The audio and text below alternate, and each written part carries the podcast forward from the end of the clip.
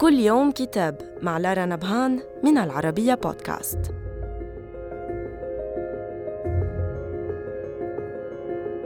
كتابنا اليوم بعنوان كتب وكتاب قراءات مختارة من تأليف عبد الغفار حسين. يحتوي الكتاب على 150 كتاباً. استعرضها المؤلف في مختلف الموضوعات بينها 60 كتاباً لمؤلفين من الإمارات.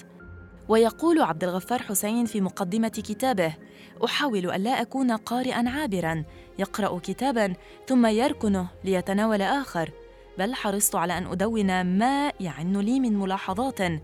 إذا وقفت على معلومات وآراء للمؤلف تستحق المناقشة، وكنت أنشر ملاحظاتي عن الكتاب المقروء كلما سنحت الفرصة في الجرائد اليومية في الإمارات لا سيما الحلقات الرمضانية التي أكتبها منذ أكثر من عشرين عاماً في جريدة الخليج.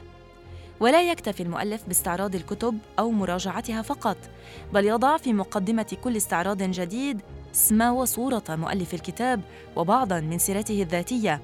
وكذلك صورة الغلاف.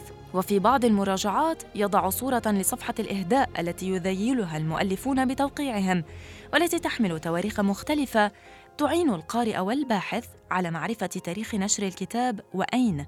وتبدو صفحة الإهداء كوثيقة جميلة لطالما كانت محبوبة في عالم القراءة حيث يعتز كل قارئ بأن في مكتبته كتابا أهدي إليه بشكل خاص.